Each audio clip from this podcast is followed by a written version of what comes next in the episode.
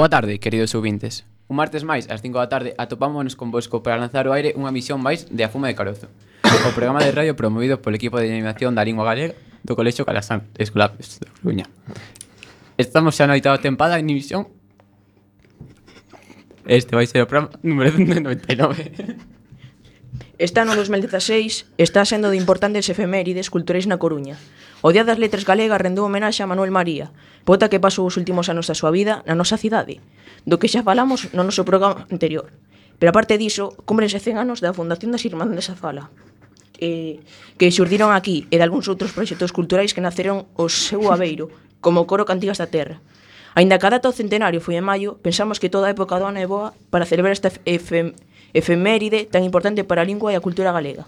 Neste programa falaremos das Irmandades da Fala, do seu principal impulsor, que se chamaba Antón Vilar Ponte, de entidades moi relacionadas con eles, como Cantigas da Terra e de algúns outros actos que tiveron lugar promovidos polas Irmandades, como a primeira Asamblea Nacionalista. Imos comenzar a debullar os contidos de hoxe, pero non debemos facelo sen antes presentarnos as persoas que hoxe os vimos acompañar, que somos Diego Molina Rodríguez, Juan Pose, Aitor Fernández, Ángel Fernández Pintor. En canto a música de hoxe, tiñamos un dilema. Non se conserva moi, moita música da época, e a que se conserva está interpretada en estilos musicais que non conectan doadamente coa xuventude actual, anda que non deixamos de intentalo e aínda nos vos traemos alguna sorpresiña. Optamos por pinchar música dun grupo cangués de metal que hai uns anos fixo versións heavies de moitas cancións galegas coñecidas, cun grande éxito. O grupo chamase Astarot, e no ano 2000 editaron o magnífico disco e o sentido dunha terra, no que se atopan case todas as cancións de hoxe. A primeira é a música Negra Sombra, de Rosalía de Castro. Escoitémola.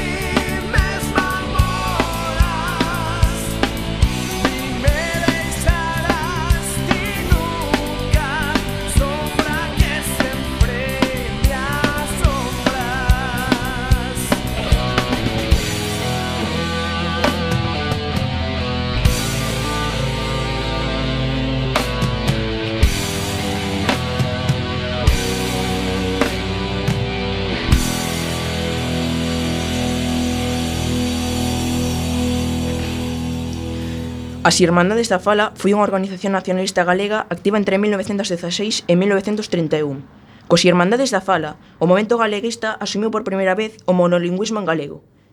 Disolvouse en 1931, no mesmo momento no que se fundou o Partido Galeguista, que tan activo foi na Segunda República entre 1931 e 1936. Imos ver como foi a súa orixe. Aurelio Ribalta, escritor galego que residía en Madrid e membro dun grupo de intelectuais galeguistas ali establecido, realizou un chamamento dende a revista Estudios Gallegos para defender a lingua galega en 1915. O 5 de xaneiro de 1916, Antón Vilar Ponte recolleu a chamada de Aurelio Ribalta e comezou dende as páxinas de La Voz de Galicia unha campaña para a creación dunha lingua de amigos do idioma galego e en marzo publicou o folleto Nacionalismo Galego, apuntes para o libro. Nuestra afirmación regional, como vedes, o título aínda está en castelán, no que volve sobre a cuestión de defensa, dignificación e fomento da lingua galega. A proposta foi ben acollida por diferentes sectores ideolóxicos, enda que serían dúas as tendencias principais, a de orixe tradicionalista de Antón Losada Dieguez e a liberar demócrata. Como tantas outras veces sucede, os galegos non foron capaces de poñerse totalmente de acordo para un proxecto en común. O 18 de maio de 1916, Antón Vilar Ponte convocou unha xuntanza no local da Real Academia Galega da Coruña, a que asistiron alrededor de 20 persoas, entre as que se encontraban Miguel Lugris Freire, Florencio Bahamón de Lores, Uxío Carré Aldao, Luis Ponteiro Garea, Francisco Tetamancei ou Ramón Vilarán Ponte, entre outros. Nesa xuntanza acordouse a creación dunha irmandade dos amigos da fala, que tería como obxectivo a defensa, exaltación e fomento á lingua de, de Galicia e nomeouse Antón Vilar Ponte como primeiro conselleiro. De seguido construíronse diversas agrupacións locais, comenzando pola de Santiago de Compostela o 28 de maio dese mismo ano de 1916, presidida por Luis Ponteiro Garea e seguida polas de Monforte de Lemos, Pontevedra, Ourense ou Vilalba. En 1917 nacen as Irmandades de Ferrol, Melide, Vigo, Mondoñedo e Baralla. En 1918, as de Estrada, Vilagarcía, Betanzos, Ortigueira, Muxía e Lugo. Nos seguintes anos seguen creándose outras, até un total de 28, e a maioría delas elaboraban boletíns propios. Nestas agrupacións locais foron integrándose persoeiros como Aurelio Ribalta, Manuel Banet Fontela, Ramón Cabaniñas ou Xoan Vicente Viqueira. Na agrupación de Ourense integráronse o pouco persoeiros como Antón Losada Dieguez, Vicente Risco, Ramón Otero Pedrallo e Florentino López Cuevillas. Co tempo, tamén se fundaron agrupacións na emigración, entre elas en Madrid, na Habana e en Buenos Aires. O 26 de abril de 1916 celebrou o primeiro acto público, en conmemoración dos fusilamentos de Carral. As primeiras accións das Irmandades estaban dirixidas á promoción da cultura e lingua galegas, coa convocatoria de, de cursos de galego, recitais, xogos florais, exposicións, etc. Pero pronto comenzaron a manifestarse tamén iniciativas de carácter máis político, como a mosa o feito de presentaren en 1918 dois candidatos ás eleccións, Porteiro Garea, por Ceranova, e Losada Dieguez, pola Estrada. Con negativos resultados en ambos os dous casos. Manuel Gris Freire redactou que foi himno originario das Irmandades. Na fala gallega vive hai alma da nosa terra, a redención de Galicia nos seus acentos latexa. Pobo que o seu verbo esquece, é traidora a natureza. Con irmáns todos falemos, a nobre fala galega. Pode que non fora mala idea facer unha pausa. A segunda canción que escoitaremos de Astarot é Lela, Unha marchosa versión de canción de Castelao compuxo para a súa única obra de teatro Os vellos non deben de enamorarse. Todos a cantar. Thank.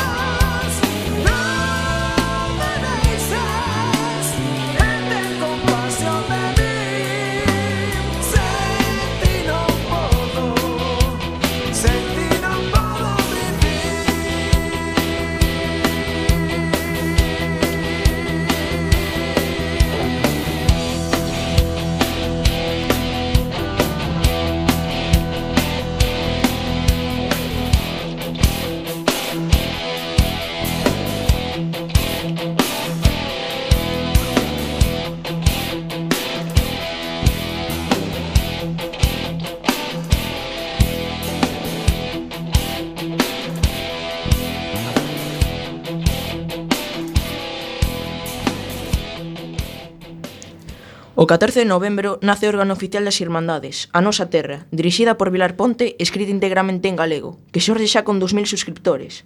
Foi o voceiro das Irmandades entre 1916 e 1932. En febreiro de 1917, Luís Porteiro Garea deu un mitín no Casino Republicano da Coruña, que supuxo o paso á actividade política do movimento, saldo que tira fulminantes eh, consecuencias, como abandono dos elementos que se estaban interesados no regionalismo cultural e a perda do apoio da prensa da restauración. A nosa terra deixouse de, de imprimir no obradoiro de la voz de Galicia, e este xornal converteríase no seu prin, eh, principal adversario. En novembro de 1917, unha delegación galeguista, encabezada por Porteiro, Ribalta e Peñanovo, foi convidada a Barcelona para a Semana Galeguista que organizaba a Liga Regionalista de Cambó, En setembro de 1917 colaborou coa Liga para, para concorrer ás eleccións parlamentarias de febreiro de 1918, presentando candidaturas na Coruña, Antón Valcárcel e Celanova, Luis Porteiro, aínda que non foron elexidos. No ano 1918, o sonar madrileño El Debate organizou na Coruña unha semana racionalista, na que participaron as irmandades e na que quedaron parentes, patentes as súas diferencias respecto de outros movimentos racionalistas galegos, ao declararse nacionalistas federalistas e progresistas.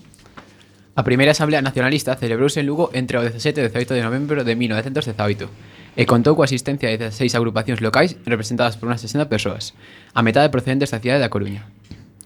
Desta asamblea se viu un manifesto nacionalista, que supuxo a superación definitiva do regionalismo e que constituiría a base común de todos os programas do nacionalismo galego ata a Guerra Civil. Nel defínese a Galicia como nación, reclamase a autonomía integral de Galicia e a cooficialidade do galego Imos ler un pequeno fragmento daquel manifesto.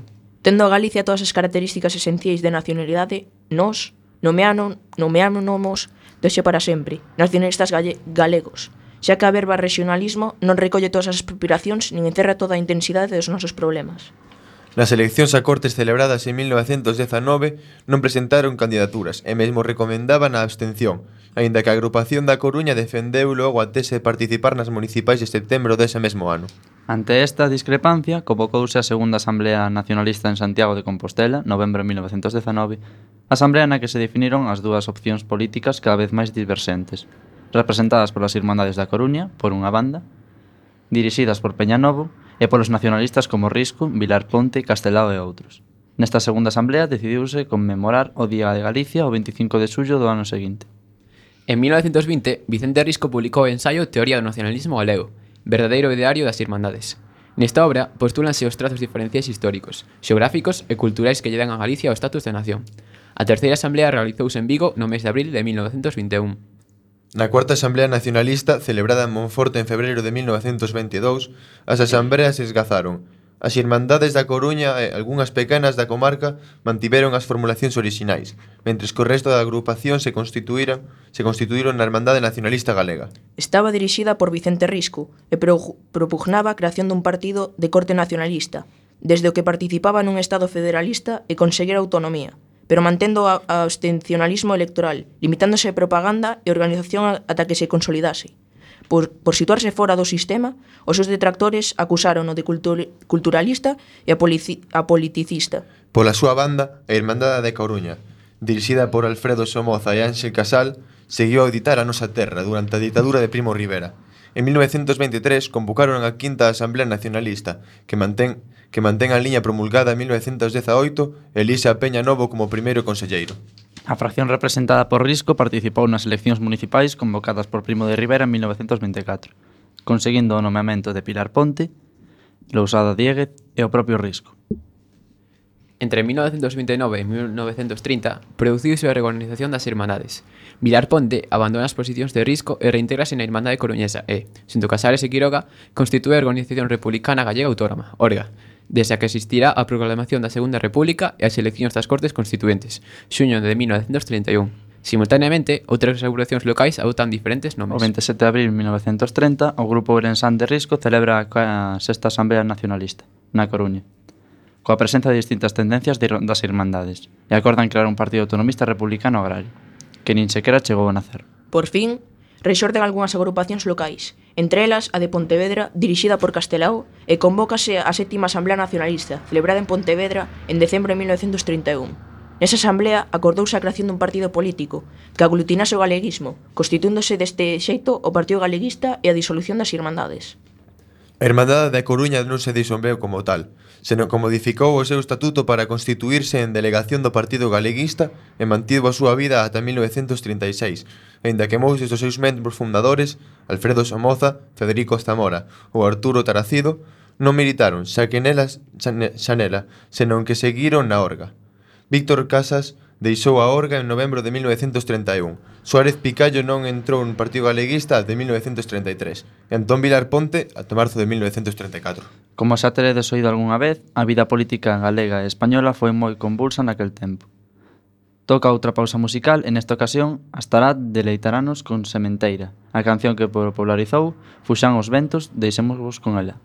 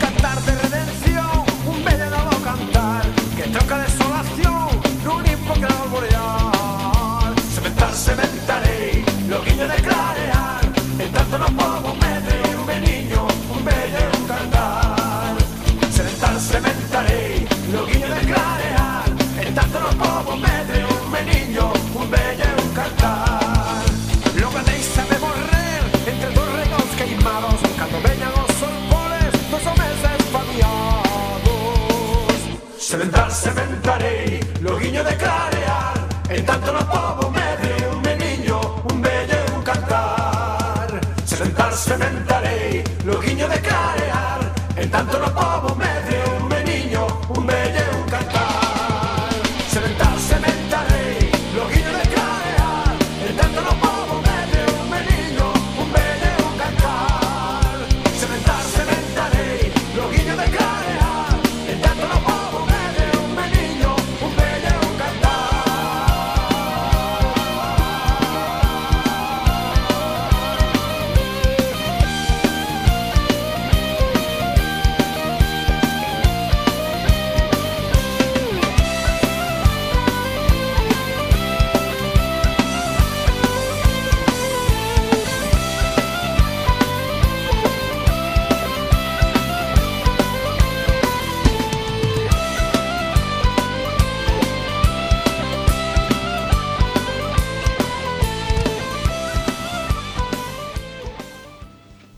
Imos falar agora so, eh, algo sobre o número de afiliados que tiñan as Irmandades da Fala, para ver se tiveron incidencia na sociedade da época. A fins de 1916, as seis irmandades locais contaban con 200 afiliados, pero en novembro de 1918 xa eran 13 irmandades e 700 afiliados. A máis importante é a da Coruña, con alrededor de 350 afiliados. En 1919 permanecieran eh, que 500 afiliados e en 1924 só quedaban 200. Despois da ditadura de Primo de Rivera, preciso o renacer das Irmandades, que chegaron a 16 agrupacións e 700 afiliados en 1929, sendo xa, xa eh, 46 en 1931. O momento no que comenzaron a disolverse debido á fundación do Partido Galeguista, a, ma a maior parte dos membros das Irmandades están constituintes por intelectuais e profesionais liberais. Eh, pasemos agora á ideoloxía e eh, o programa político económico, E a composición ideolóxica e dos homes que compuxeron nun principio as Irmandades da Fala era ben variada. Nela cabían desde republicanos como Antón Vilar Ponte e demócratas radicais como Luis Porteiro. E o primeiro Xaime Quintanilla e regionalista liberal como Uxío Carre Aldao, regionalista tradicionalista como Salvador Cabeza de León, e Juan García Caballero Felipe Gil Casares, xeimistas como Antonio Barcárcel e social católicos como Ulis Peña Novo.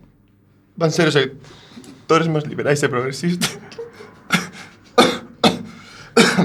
os que doten as irmandades da fala dun claro contido nacionalista fronte ao regionalismo dos sectores máis conservadores que acabarán manchando ou se alcanzan relevancia dentro das irmandades, coa excepción de Antón Losada Rodríguez. No Congreso celebrado en novembro de 1918 na cidade de Lugo, as irmandades marcaron o seu programa político. Decidiron que os obxectivos prioritarios eran autonomía integral para Galicia, autonomía municipal, ingreso de Galicia na Liga das Nacións, busca dunhas bases para facer posible un federalismo con Portugal. E por outra banda, os obxectivos para Galicia eran o poder legislativo encomendábase un parlamento galego, elixido directamente polo povo. O poder judicial estaría sempre desenvolvido por cidadáns galegos. O réxime tributario propio, sen intervención do poder central, cooficialidade do castelán e do galego, e igualdade de dereitos da muller supresión das deputacións provinciais, legislación social nas competencias que se estimasen non exclusivas do Estado e toda a potestade docente. Administración, non construcción dos ferrocaís. Fixación da conta de forzas que se estimen precisas para manter a orde no país. Control da política económica, non excluindo os brancos. Substantividade do dereito de, fara, de foral galego. Recuperación por parte dos povos dos montes comunais. Soberanía estética para Galicia que conservasen nas construccións o estilo digno e propio de cada marco xeográfico. En canto aos aspectos literarios, o teatro foi obxeto de moita atención pola súa efectividade normalizadora, ademais de propagandística, e de cara ao gran público. Antón Vilar Ponte, traductor e autor teatral, fundará xunto con outros intelectuais en 1919 o Conservatorio Nacional de Artes Galego, co obxeto de renovar a estética técnicamente e o teatro galego. O proxecto, como resultado das diversas disputas entre renovadores e tradicionalistas, acabou en penas dun ano, aínda que en 1922 propiciou que se puidese crear a Escola Dramática Galega, aínda que se desenvolveu como un simple continuadora do teatro regionalista.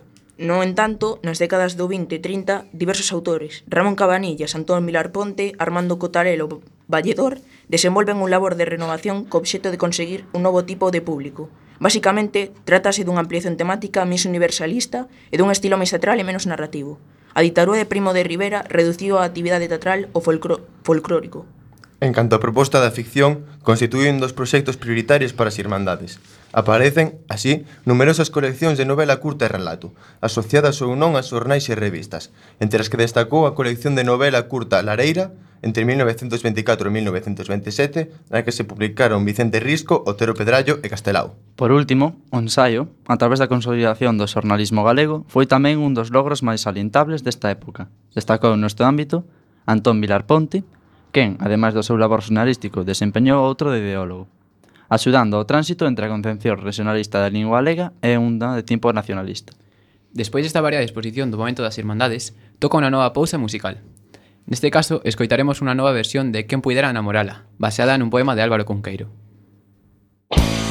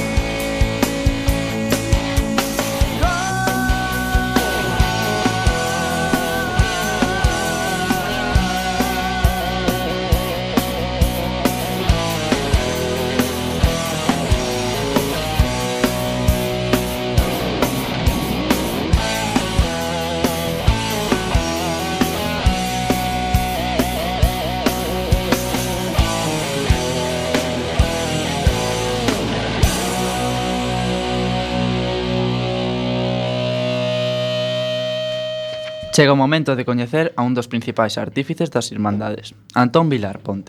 Naceu en Viveiro o 2 de outubro de 1881 e finou na Coruña o 4 de marzo de 1936. Foi un dos fundadores das primeiras Irmandades da Fala e un dos alentadores do galeguismo de preguerra. Estudou farmacia, en algúns momentos da súa vida viviu do traballo na, e na súa botica, aínda que exerceu o xornalismo. A súa obra abrangue varios eidos novela, ensaio, conferencias, discursos, especialmente a produción dramática, transmisora do ideario galeguista. Dedicouse o Día das Letras Galegas no ano 1977. Pertence a unha familia de clase media e de ideoloxía monárquico-conservadora. Estudou nos institutos de Lugo e Santiago e fundou o Seminario Republicano Nueva Brisa, en 1899. Durante a súa carreira participou no movimento republicano e colaborou en El Combate. Licenciouse en farmacia pola Universidade de Santiago de Compostela en 1901 dende 1904, presentou unha botica de Enfoz. Actuou como secretario do Comité Republicano, que presidía Manuel Leiras Pulpeiro en Mondoñedo e colaborou esporádicamente coa revista gallega de Galo Salinas. En 1906 marchou a Madrid, onde se dedicou ao xornalismo, ingresando na redacción do republicano El País. En 1907 foi redactora coruñesa Tierra Gallega. Emigrou a La Habana en maio de 1908. Onde tamén traballou en diarios e revistas como Follas Novas e foi nomeado secretario da Asociación Iniciadora e Protectora de la Academia Gallega. En Cuba contactou con Ramón Cabanillas. En 1910 volveu a Galiza, establecéndose na Coruña. Calo- Colaborou nas páxinas de varios xornais e revistas.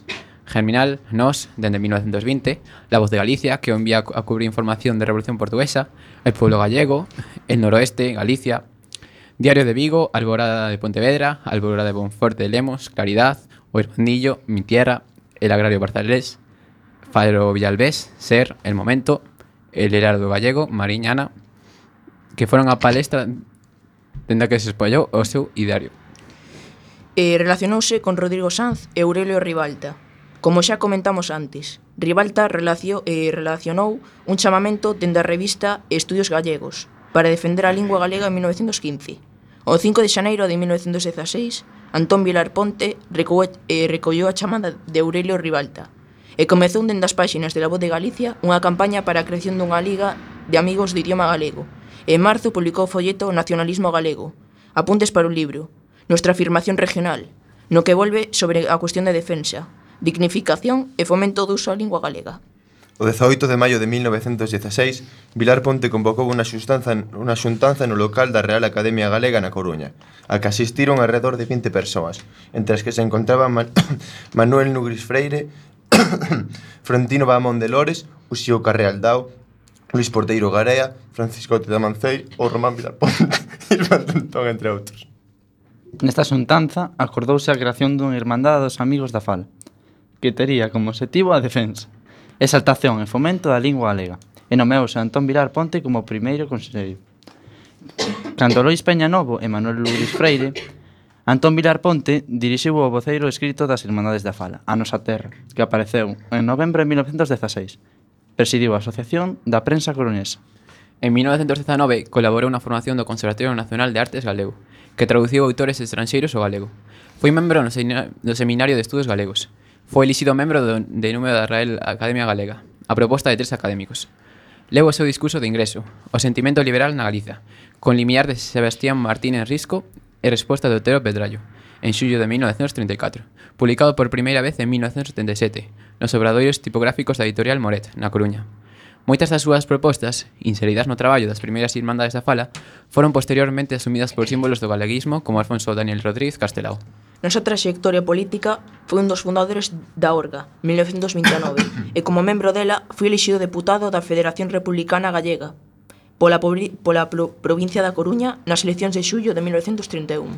En 1934 incorporouse ao Partido Galeguista e volveu a ser electo nas eleccións de febreiro de 1936 na, na candidatura do Fronte Popular, aínda que non chegou a prometer o cargo nin presenciar o plebiscito do Estatuto de Galicia en xuño, pois, mo pois morreu en marzo por mor dunha perforación gástrica. Toca agora escoitar unha nova peza musical, nesta ocasión é unha nota de versión de Muller, que popularizaron Fuxan os ventos.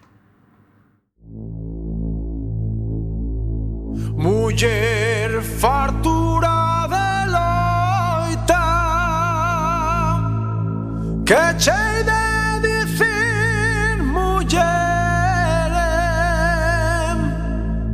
C'était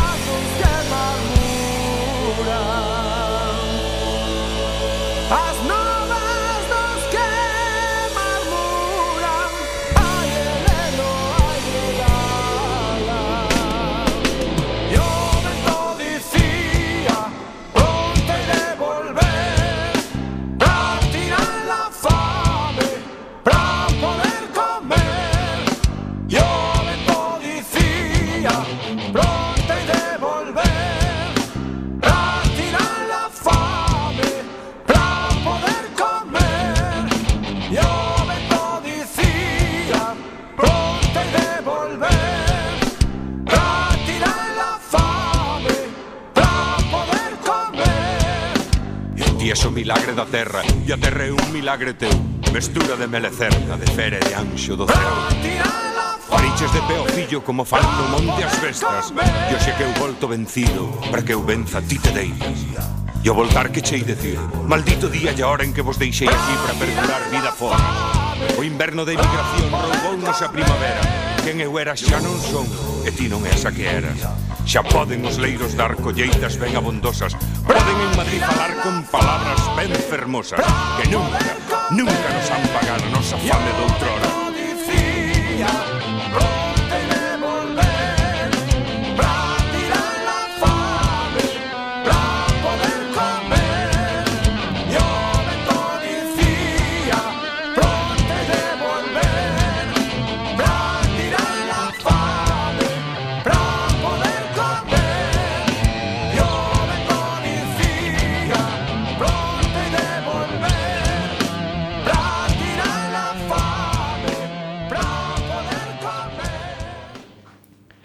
Se do ideario de Antón Vilar Ponte falamos, o seu traballo e reflexións contextualízanse nun momento de desenvolvemento intelectual e estético en toda Europa, e que en Galicia coincidiu co programa das dúas portas enfrontadas no seo do galeguismo. Dunha banda, a corrente culturista de dereitas, personificada en Vicente Risco, Otero Perrat, Pedrallo e Florentino López Covillas, e da outra, a máis activista políticamente de esquerdas, como Manuel Luis Freire, Uxío Carrealdo ou, Vi ou Víctor Casas. De feito, e Antor Vilar Porte eh, formaría parte deste segundo grupo, xuntamente con Xoan Vicente Viqueira. A súa propia visión do nacionalismo galego incluo dentro desta corrente, pois defendía construir os sistemas políticos dende a racionalidade e dende o servizo ás, per, eh, ás persoas, xa que consideraba as persoas de forma individual e non como eh, un ser abstracto, contrariamente do que defendían os culturistas. Igualmente, prescindía das paixóns e apelaba á racionalidade, Estes razoamentos, en principio críticos co nacionalismo galego, utilizounos contra o nacionalismo español. Incondicionais de España.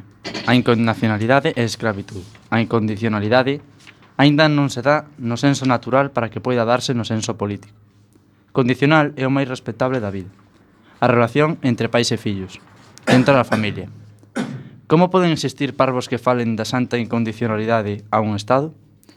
Sempre coa sempre cousa artificiosa e mudable. É que, segundo Vilar Ponte, os sistemas sociais se construíron eh, históricamente pola humanidade, co que acontecería o mesmo cos conceptos de nación e Estado. Se os construen os seres humanos, non son realidades eternas nin feitos que determinen ou deban determinar, en principio, unha imposición moral para as persoas. Este punto de vista bate frontalmente co tipo de discurso historicista que predomina nos nacionalismos do século XIX e de comezos do XX. Remataremos falando da obra de Antón Vilar Ponte, que se centrou no ensaio e no teatro. E iso que non imos profundizar na súa obra xornalística, onde tiña unha vida moi activa. En ensaio publicou as seguintes obras. Nacionalismo galego, Nuestra afirmación regional, 1916, Os nosos valores, 1920, Conferencia eh, lida na Sociedade Económica de Santiago, publicada en A Nosa Terra, número 120, do, cosmopolit do cosmopolitismo, do universalismo e da Manxudome galega, 1921. Traballo lido no Oliva de Vigo, a nosa terra, número 139. O sentimento liberal na Galiza, discurso de ingreso na Real Academia eh, Galega, en 1934. En canto ao teatro destacan do caciquismo, a patria do, do labrego, 1905, da superstición, entre dous abismos, 1920. Da emigración, Almas mortas, novela dialogada como trásico entre estancias, Céltica, 1922, O Mariscal, 1926. Canda a Ramón Cabanillas. Teatro Galego. Tríptico. Nos, 1928, inclúe do caciquismo, a patria do labrego, da emigración, almas mortas, e da superstición, entre dous abismos. Os evanxeos da risa absoluta, anunciación do Antiquixote, folk drama da sinxeleza campesina, nos 1934. Nou, eh, Nouturnio de medo e morte. Bárbara anécdota realista en dous tempos, sen literatura, que puido andar nos romances dos cegos, nos 1935. A máis, traduciu aulas clásicas de William Shakespeare ou Molière. Bueno, e agora temos unha nova pousa musical, tamén está basada nunha canción de Fusión os Ventos, que foi a que versionou Astarot nesta Meu Amor e Mariñeiro.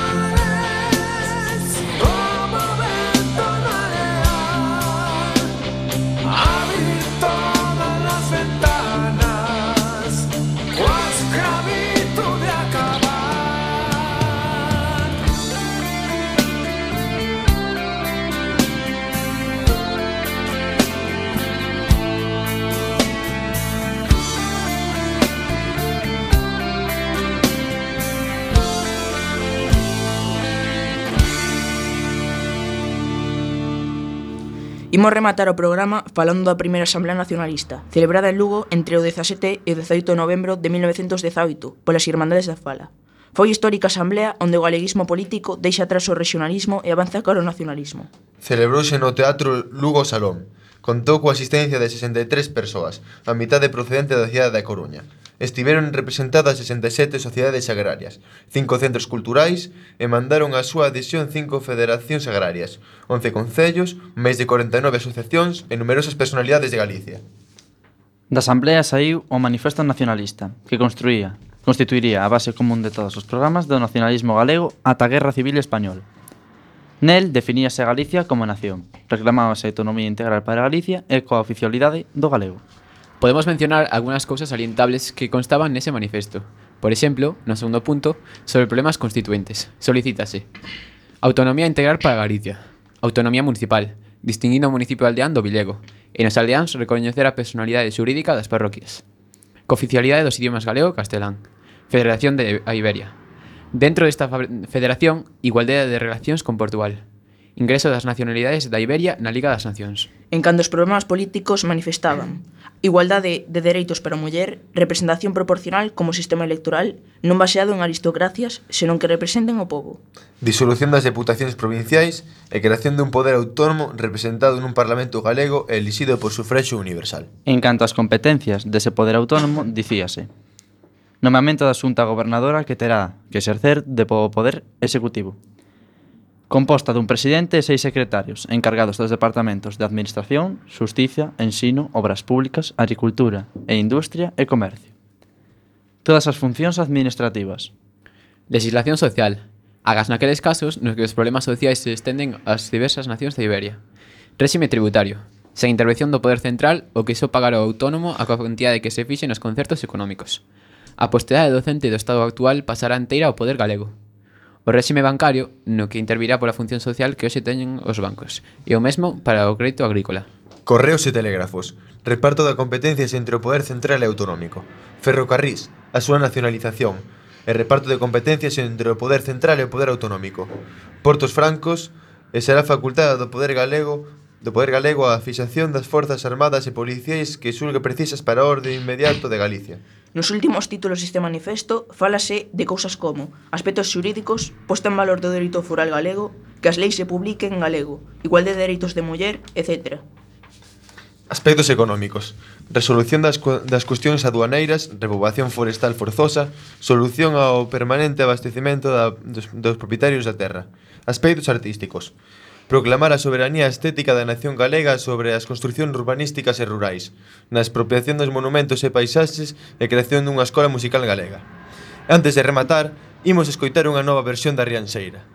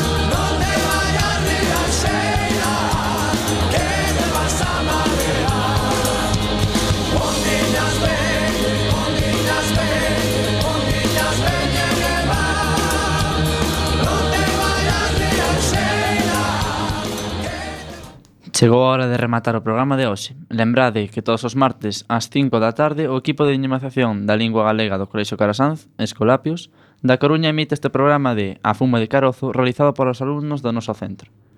Hoxe os presentadores fomos Diego Molina Rodríguez, Juan Pose García, Aitor Fernández López, Ángel Fernández Pintor. Despedímonos...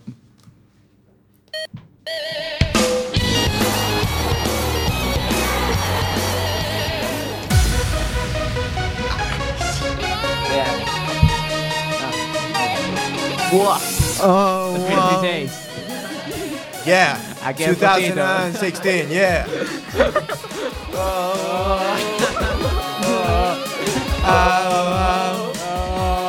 Yeah, uh-huh, uh-huh. yeah. Aha, aha. Yeah, sing with me, sing with me, yeah. From Galicia to the world, yeah. Dale. vamos a bailar. Non podo esperar. O meu corpo está listo para amar. Sinto a paixón do teu corazón. Vou te dedicar neste Vamos todos xuntos. Non vai parar Contigo quero xogar Esta noite voaré son deus do meu diñeiro Vamos que toira ti tamén ah, Non vai parar Teño ganas de gozar.